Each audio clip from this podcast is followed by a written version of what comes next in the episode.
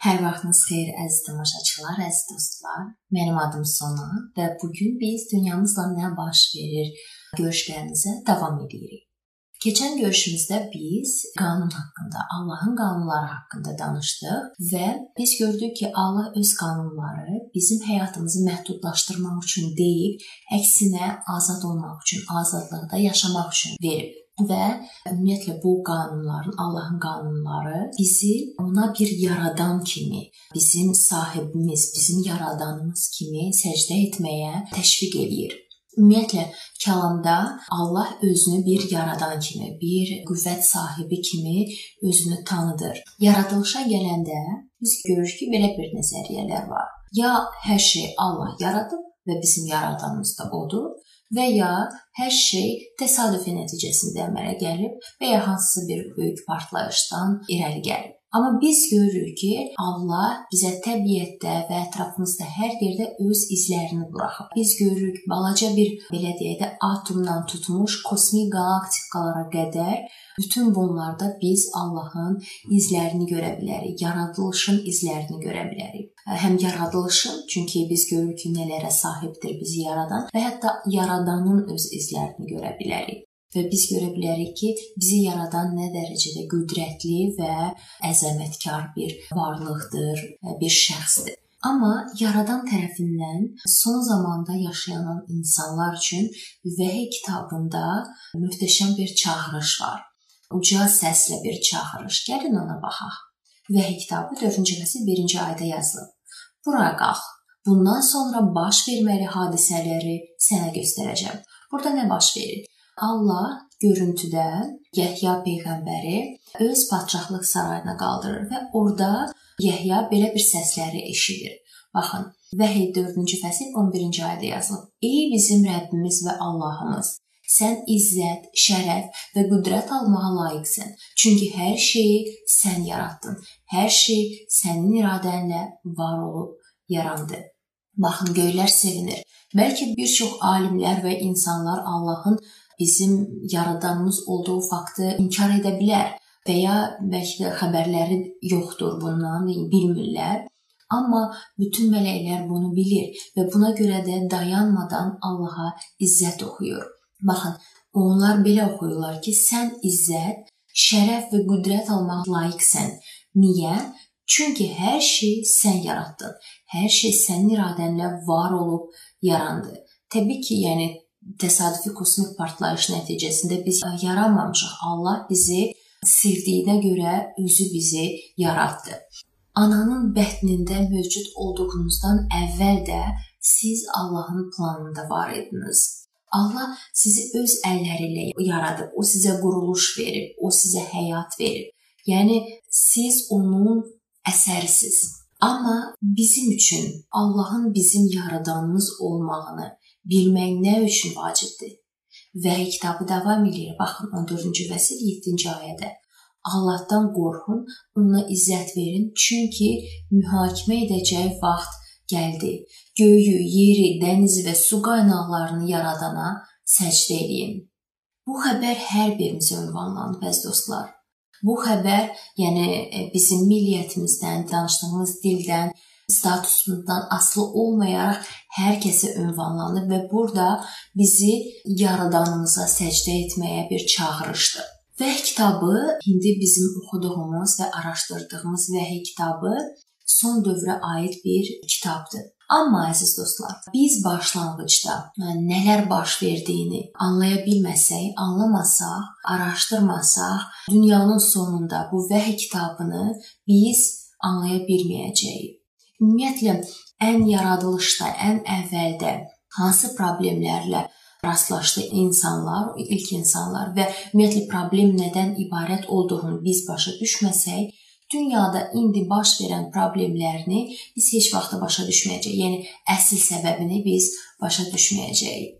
Ümumiyyətlə müqəddəs kitabın əsas mövzusu ibadətdir. Biz keçən görüşdə də dedi, dediyimiz kimi bizim qarşımızda çox böyük bir seçim durub.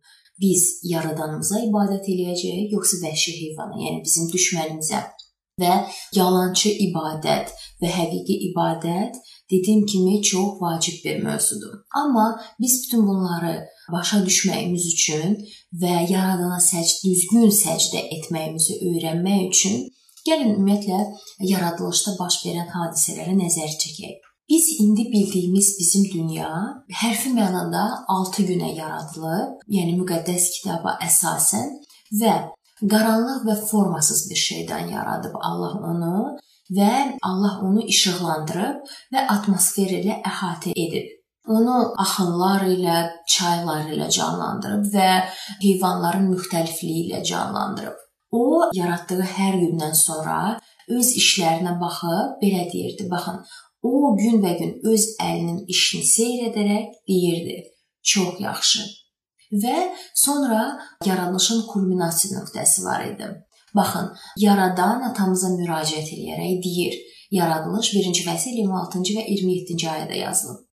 Öz surətimizə və bənzərimizə görə insanı yaradaq. Allahın surətində yaratdı. Onları kişi və qadın olaraq yaratdı. İnsan Allahın şah əsəridir və onun ən yüksək məhəbbətinin təzahürüdür. Amma 6-cı gündən sonra Adəm və Həvvanı yaratmağından sonra belə bir şey baş verdi. Gəlin oxuyaq. Yaradılış 2-ci fəsil 1-ci ayə. Göylər və yer, oradakı hər şey beləcə tamamlandı. Yəni cəmi 6 gün və bütün dünya yarandı. Bu Allahın əlində mümkünsüz bir şey deyil təbii ki. Amma 6-cı gün ümumiyyətlə yaradılış şəxsnaməsində axırıncı gün deyil. Gəlin baxaq sonra Allah nə etdi. Yaradılış 2-ci fəsil 2 və 3-cü ayədə yazılıb. Allah 7-ci günə qədər gördüyü işləri qurtardı və 7-ci gün gördüyü işlərdən ayrılıb istirahət etdi. Allah istirahət eləyir. Yəni niyə? O 6 gün müddətində gördüyü işlərdən razı qaldı. Sonra Allah xüsusi bir şey elədi. Gəlin baxaq. Eyni ayəni davam edirəm. Allah 7-ci günü bərəkət verdi və onu təqdis etdi. Çünki gördüyü bütün yaratma işini qurtarıb həmin gün istirahət etdi. Yaradılışda verilən 7-ci şənbə günü bizim yaranmağımıza dair əbədi bir xatırlatmadır əslində. Gəlin Allahın 7-ci gün üç xüsusi etdiyi işə nəzər salaq və baxaq görək ki, onlar nədir? Nə etdi Allah həmin o gün? Birinci, Allah ona bərəkət verdi. Müqəddəs kitab deyir ki, Allah 7-ci günə bərəkət verdi. İkinci, Allah onu təqdis etdi. Sonra yazılıb ki, Allah 7-ci günü təqdis etdi. Allah müqəddəs gün kimi onu ayırdı və hər 7 gündən bir bu bizim üçün bizim yaranmağımıza və bizim belə deyək də mənəvi başlanğıcımıza daimi bir əlamətdir, yəni xatırlatmadır. Və üçüncü, həmin gün istirahət etdi. Müqəddəs kitab 7-ci gündən başqa nə 1-ci, nə 3-cü, nə 5-ci günü müqəddəs etmədi, onu təqdis etmədi. O yazır ki, yalnız 7-ci günə Allah bərəkət verdi. Birinci səlnamələr 17-ci fəsil 27-ci ayəyə əsasən Allah bir şey bərəkətləyirsə, onu əbədi olaraq bərəkətləyir. Ümumiyyətlə bərəkətləmək nə deməkdir? Bərəkətləmək o deməkdir ki, Allah həmin şeyi öz varlığı ilə doldurur. O yoruldu deyə deyil, biz nə vaxtsa yorula bilərik deyə Allah o günü bizim üçün ayırdı və həmin gün biz onun qarşısına ona izzət vermək üçün gəlirik. Və Allah həmin günü təqdis elədi və müqəddəs məqsədlər üçün ayırdı. Təqdis sözünü əslində Allah başqa bir mövzuda da istifadə eləyir, nikah mövzusunda. Məsəl üçün, bir gəlini, bir qızı Allah öz gələcək əri üçün təqdis olunub, yəni ayırır ayıranda istifadə olunur bu təqdis e, sözü. Məsəl üçün təsəvvür eləyin gəlinlə bəyi, yəni evlənmək istəyən gəlinlə bəyi və evləndiklərdən sonra bəy səyahətə öz yoldaşı ilə səyahətə çıxmaq üçün maşında gözləyir onu Və birdən bu gəlinin 6 bacısı var idi və o 6 bacılarından biri gəlir, oturur maşına və deyir ki, yola düşək. Və təcrübli yoldaş da yəni deyir ki, mən səninlə evlənməmişəm. Mən sənin bacınla evlənmişəm. Və o deyir ki, nə fərqi var? Mən də o 7 bacılardan biriyəm. Sizcə həmin o bəyə fərqi varmı? Yəni hansı bacı ilə evlənib və hansı bacı ilə səyahətə gedəcək? Təbii ki, var. Həmin bəy üçün xüsusi bir qadın təqdis olunub ayrılmışdı. Onun üçün, o onun üçün müqəddəs sayılırdı. Və eyni ilə də günlərdə də eyni şey. Allah heç bir başqa günü təqdis eləyib bərəkətləmədi. Şənbə ümumiyyətlə Yahudi xalqının mövcudluğundan 2300 il əvvəl Allah tərəfindən verildi. O ümumiyyətlə Adəm və Həvva hələ belə deyək də cənnətdə olduğu müddətdə onlara verilmişdi. Adəm və Həvva bağı tərk edəndə, yəni cənnət bağını tərk edəndə şənbə Allahın məhəbbətinin bir xatırlatması kimi onlar şənbəni qeyd edirdilər. Baxın əziz dostlar, Köhnə Əhddə Allah Sinay dağında, yəni Musaya öz əmrini verdiyindən əvvəl də İsrail xalqı şənbəni müqəddəs saxlayırdılar. Baxın, Çıxış kitabının 16-cı fəslində göydən manna tökülməsi barədə maraqlı bir hekayə var və onu oxuyuruq. Çıxış 16-cı fəsil 26-cı ayə. Siz onu 6 gün ərzində yığın, 7-ci gün şənbə günü o yemək yox olacaq. Allah ümumiyyətlə İsrail xalqı üçün çox böyük bir möcüzə yaratdı. Və çıxış kitabında ümumiyyətlə Musanın xalqı əsirdən çıxmışdı və o səhrada idi və 40 il səhrada qaldı və Allah onların ehtiyaclarına cavab verdi və hər gün göydən manna yağırdı. Amma Allah onlara dedi ki, siz onları hər gün, yəni şənbə günü çıxmaq şərti ilə hər gün yığa bilərsiniz. Amma onlar şənbə günü də çıxanda, yəni yığmağa, toplamağa, manna toplamağa çıxanda görün Allah nə deyirdi. Çıxış 16-cı fəsil 28-ci ayə. Buyuruq, nə vaxta qədər əmrlərimə və qanunlarıma itaət etməkdən boyun qaçıracaqsınız. Sinay dağında Allah o qanunları öz barmaqları ilə yazdı. Daş lövhələrində təbii ki. Bu ə, su ilə yuyulan hər hansı bir qumda yazılmadı və ya yanıb kül olan hansısa bir kağız üzərində yazılmadı. Bu birbaşa daş lövhələrində yazıldı Allah tərəfindən. Və Allah öz qanununu yazmaqda heç kimə etibar etmədi. Nə Musaya, nə heç bir peyğəmbərə. Və belə bir sual yaranır. Biz indi Allahın özünün birbaşa bu məsələdə iştirak etdiyi və bizim üçün azadlıq qanunlarına biz necə laqeyd qala bilərik? Allah öz əlləri ilə bizim üçün qayğıkeş formada bizim üçün qanunlar yazdı. Biz ona həqiqətən necə belə laqeyd yanaşa bilərik? Müqəddəs kitab deyir. Çıxış 20-ci fəsil 8-ci ayədən 11-ci ayəyə qədər oxuyuruq şənbə gününü yadda saxlayıb təqdis et.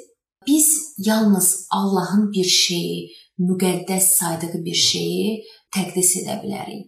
Biz özümüz heç bir şey təqdis edə bilmərik çünki biz özümüz günahkarıq. Allah belə deyək də şənbə gününü təqdis etdi və onu müqəddəs saydı, onu bərəkətlədi. Və sonra yadlıb yadda saxla. Niyə Allah yadda saxla deyib? Çünki o bilirdi ki, biz unuda bilərik. Evolyusiya dövründə bu fikirlər populyar olduqda Allah bilirdi ki, biz onun şənbəsini, onun qanununu biz unuda bilərik. Allah bizi onun yaradılışının əbədi əlamətinə qayıtmağımızı çağırır. Baxın, davam eləyir ayə. 6 gün çalışıb bütün işlərini gör. Lakin 7-ci gün Allahın Rəbbin şənbə günüdür. Bu gün sən, oğlun, qızın, qulun, qarabaşın, heyvanların yanında qalan yadelli də heç bir iş görməsin. Fikir verin, Allah burada yazmadı ki, hər hansı bir gün şənbə günüdür. Xeyr, o yazdı ki, 7-ci gün şənbə günüdür. Necə ki, məsəl üçün bizim doğum günündən əvvəl olan günlər və sonrası günlər bizim doğum günümüz deyil, Eləcə də həftə dövründə də bir, birinci, üçüncü, beşinci günlər, dördüncü günlər bunlar heç biri şənbə günü deyil. Və Rəbb niyə məhz şənbə günü bizim ona ibadət etməyimizi istəyir? Baxın, çıxış 20-ci fəsil 11-ci ayədə yazılıb. Çünki 6 gün ərzində Rəbb göyləri və yeri, dənizi və kainatdakı hər şeyi yaratdı. 7-ci gün isə istirahət etdi. Bunun üçün Rəbb şənbə gününə bərəkət verib, onu müqəddəs saydı. Şənbə günü heç vaxtı Yahudi bir qanunu olmamışdı.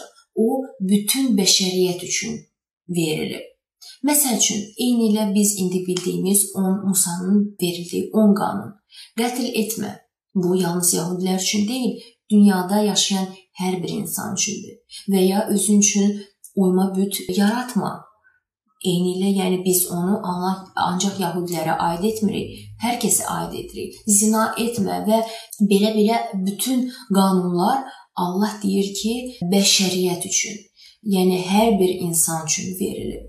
Beləcə şənbə yalnız yəhudilər üçün deyil. O heç vaxt yəhudi şənbəsi olmayıb.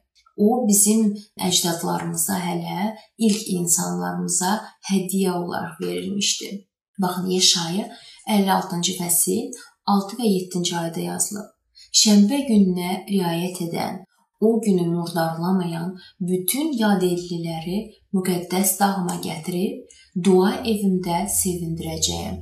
Çünki mənim evim bütün xalqlar üçün dua evi adlandıracaq. Baxın burada Rəbb deyir ki, gün gələcək və mənə iman edən hər kəs milliyyətindən, dilindən asılı olmayaraq hər kəs taxtımın önünə gəlib mənə hər şənbə səcdə edəcək. Yezekil 20-ci fəsil 12-ci ayədə yazılıb. Onlara öz şənbə günlərimi də verdim ki, mənimlə onların arasında əlamət olsun və onları təqdis edənin mən Rəbb olduğunu bilsinlər. Baxın bu ayətdə gözəl görürük ki, Allah insanlarla öz arasında olan əlamət kimi şənbə gününü qeyd eləyib. Baxın, Allah yaradılışda dediyim kimi Adəm və Həvvaya verdi bu şənbəni və Musanın dövründə qanunda, 10 qanunda yenə təkrarladı. Bəs bir çoxları soruşa bilər ki, bəs Əhd-i Cədiddə onda necə? Məsih şənbəni saxlayırdımı?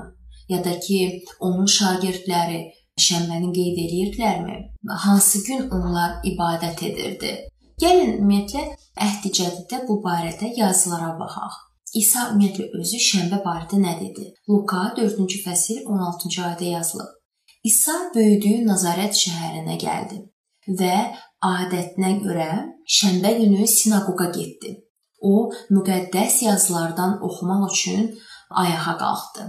Baxın, İsa Məsih hər şənbə ibadətə gəlirdi. Əgər İsa ibadət üçün fərqli bir simvol qoymaq istəsəydi, fərqli bir gün vermək istəsəydi, bizə bir nümunə buraxmayacaqdımı? Yəni əgər o bu qanunu dəyişmək istəsəydi, fərqli bir nümunə düşünürəm ki, bizim üçün qoyacaqdı. Hər hansı bir insan başqa bir insanın ölümündən sonra onun iradəsini və ya vəsiyyətini dəyişdirə bilərmi? Xeyr. Yəni ölüm bu vəsiyyəti möhürləyir. Eynilə burada da belə baş verdi. İsa'nın vəsiyyəti nə idi? Baxın, yazılıb və adətinə görə şənbə günü sinaqoqa getdi. O müqəddəs yazılardan oxumaq üçün ayağa qalxdı. Burdan görünür ki, Məsih şənbə gününü tuturdu. O özü dedi, Mark 2-ci fəsil 27-ci ayədə. İnsan şənbə günü üçün deyil, şənbə günü insan üçün yaradılıb. Şənbə yəhudilər üçün yaradılıb deyə demir. O deyir ki, bütün bəşəriyyət, bütün insanlar üçün yaradılıb.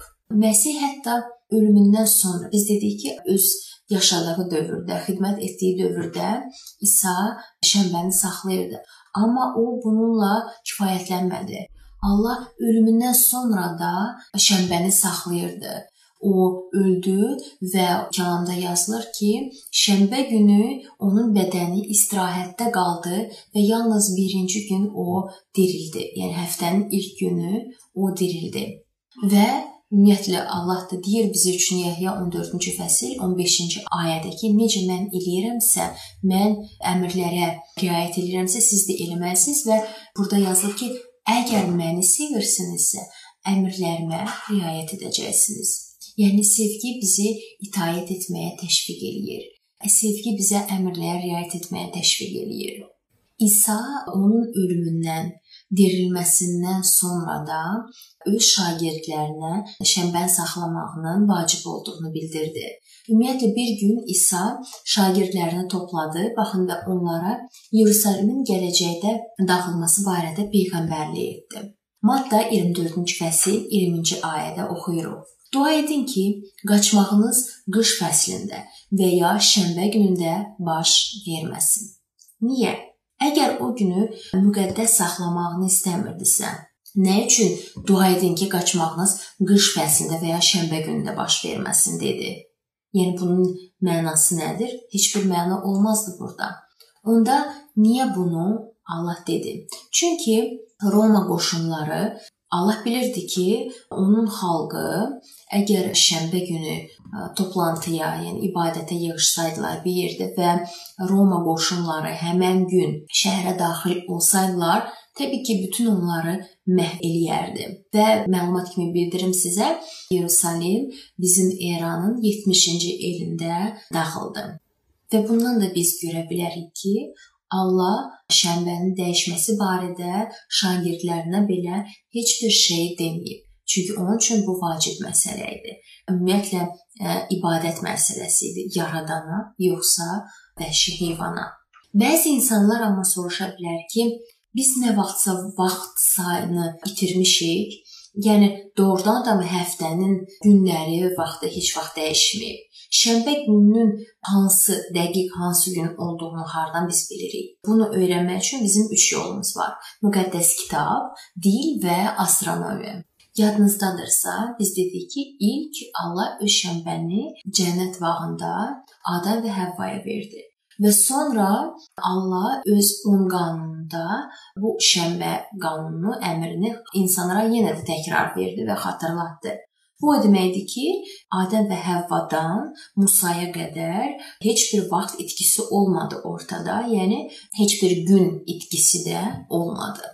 Və sonra Musadan İsa'ya qədər bu əhd-i ətiq dövründə biz görürük ki, İsrail xalqı şənbəni saxlayırdılar və orada bu çox ciddi nəzarət olunurdu din xadimləri tərəfindən.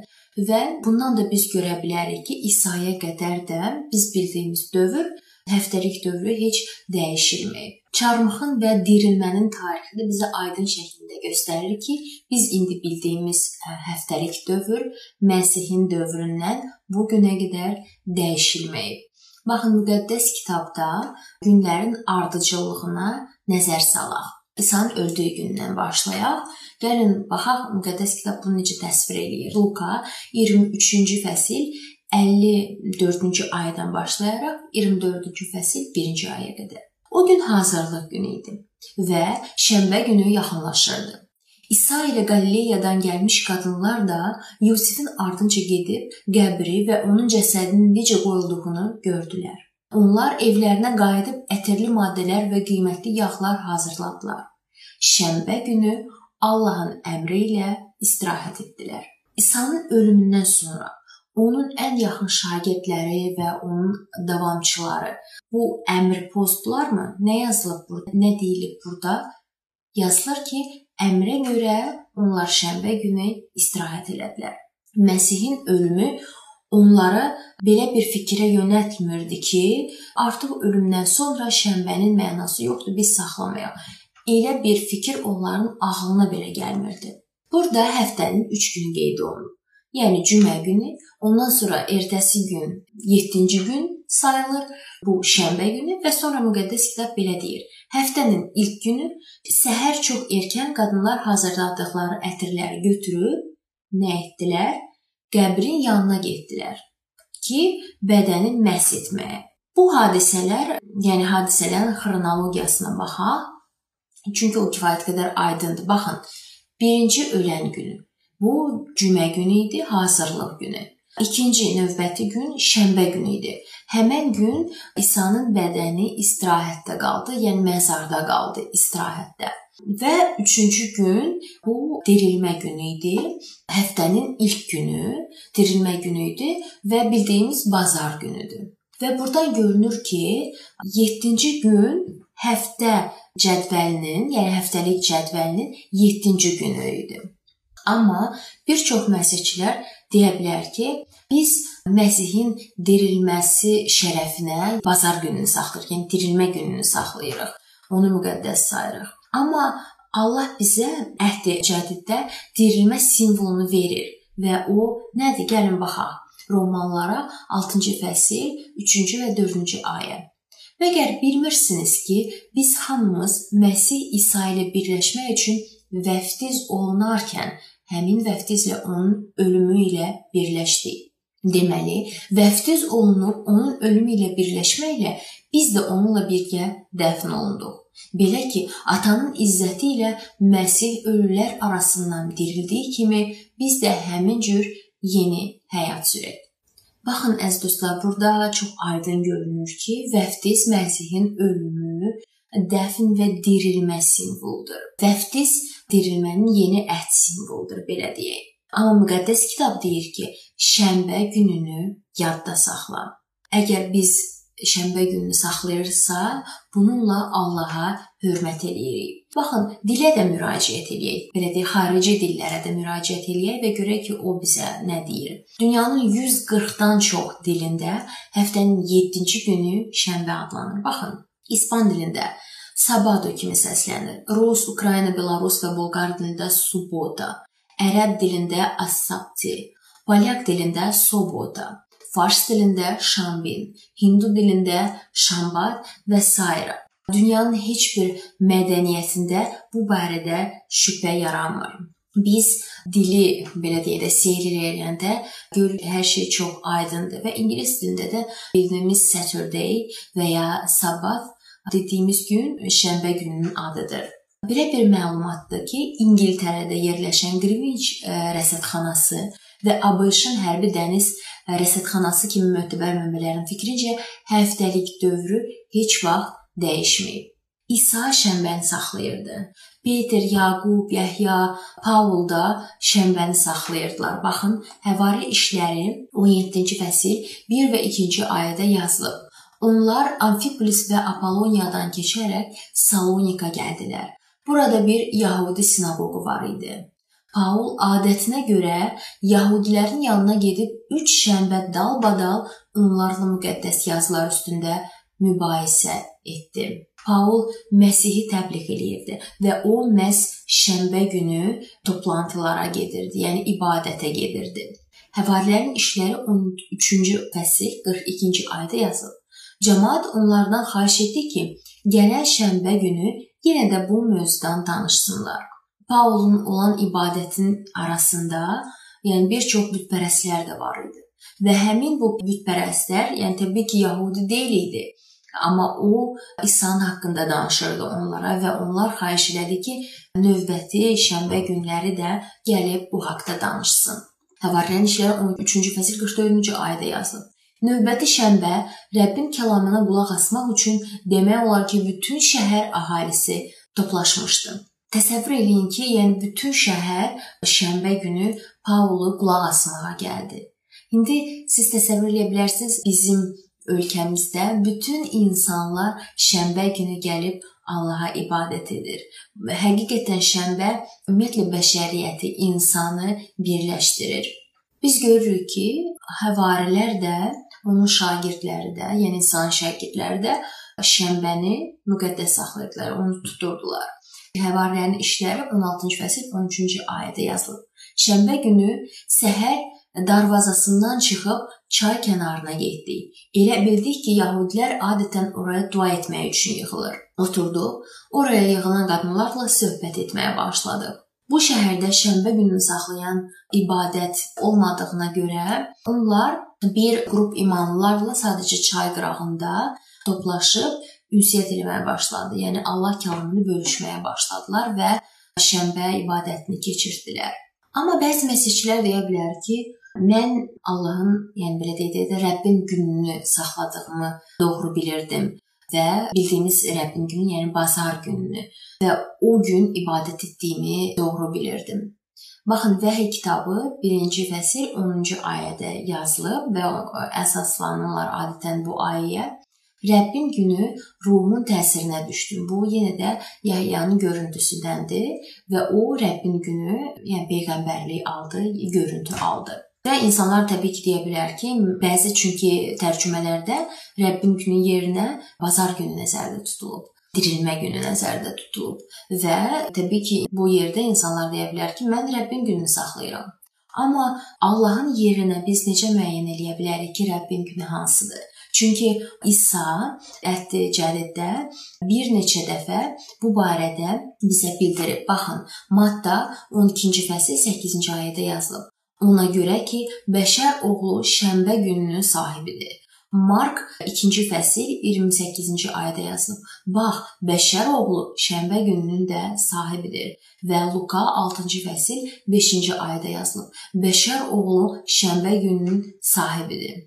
Necə düşünürsüz, nə üçün sırf bu eyni ayə müqəddəs kitabda 3 dəfə təkrar edilir? Çünki bu vacibdir.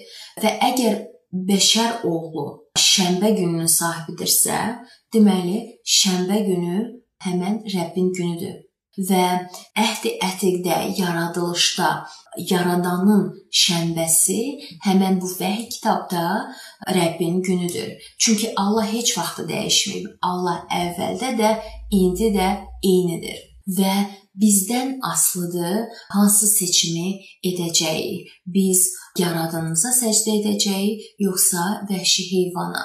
Və gəlin baxaq görək Allah son zamanlarda yaşayan öz xalqını necə, necə təsvir eləyir.